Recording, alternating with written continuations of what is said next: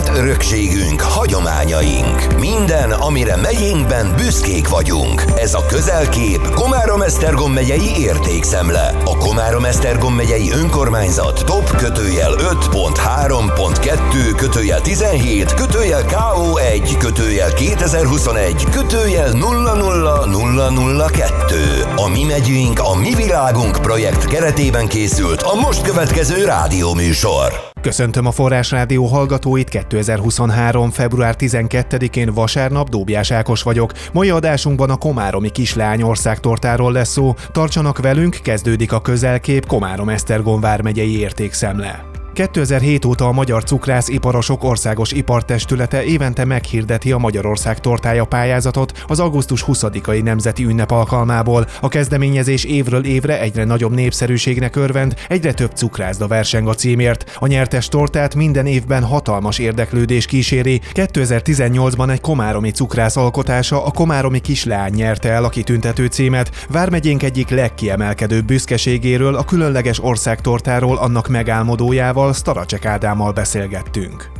Hát én 2017-ben, amikor kitaláltam a tortát, úgy, úgy csak először fejben, akkor még 23 éves voltam, amikor leadtam itt az országtorta nevezés, hát akkor még elég fiatalka voltam, talán a legfiatalabb, aki eddig nyert. Előtte évben próbálkoztam 2017-ben meg először országtorta versennyel, akkor lett egy tortám, ami majdnem döntős lett, és lehet akkor ez tuningolt akkor fel egy kicsit, hogy akkor próbáljam meg újra, picit átgondolva, picit tanulva, fejlesztve magam, és akkor sikerült így először egy harmadik és egy ötödik helyet elérnem, és akkor ott meg is dicsértek, hogy ott a harmadik forduló végére, hogy a tortákon nagyon-nagyon sokat javítottam, és hogy fényéveket javult ott a komáromi kislány, és lehet, hogy azért is nyert. Én a kislányt úgy találtam ki, hogy körtés torta még nem volt, és akkor így a körte köré próbáltam összerakni egy tortát, így jött hozzá a dió, a vanília, a csoki, a mascarpone, akkor egy pici citrom, egy pici gyömbér a körtéhez, akkor van benne egy pici alkohol is, körtepálinka. Hát a névválasztás mindig sokan kérdezik, hogy hogyan sikerült.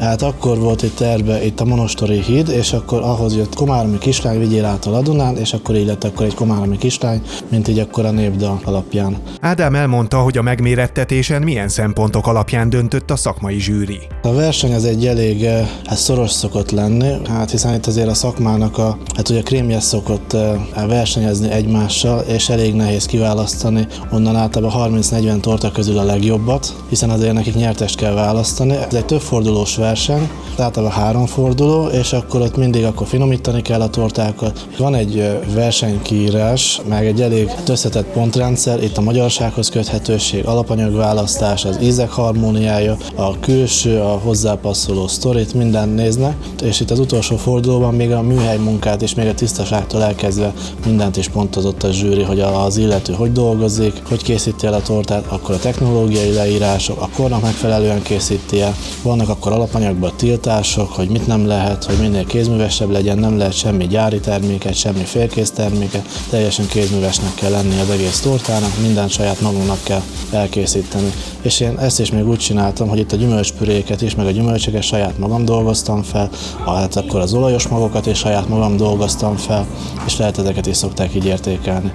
A beszélgetés során megtudhattam azt is, hogy a cukrászatban sem szabad megállni egy szinten, folyamatosan fejlődni, tanulni kell. Hát én amikor becsöppentem egy cukrászvilágba, nekem édesapám és édesanyám egy cukrász, sőt az elhunyt bátyám Jánoska, ő is cukrász volt, és az ő emlékére lett egy cukrászda is, én is az emlékére lettem cukrász, és én először hát így a cukrász versenyzésbe kicsit más irányba vettem először az irányt, az ilyen cukorartisztikák és egyebek, az ilyen karamellmunkák, disztorták, figurástorták, hát igazából az úgy kevés emberhez bírt eljutni, hát akkor egy ilyen szélesebb közönséghez el tudott jutni.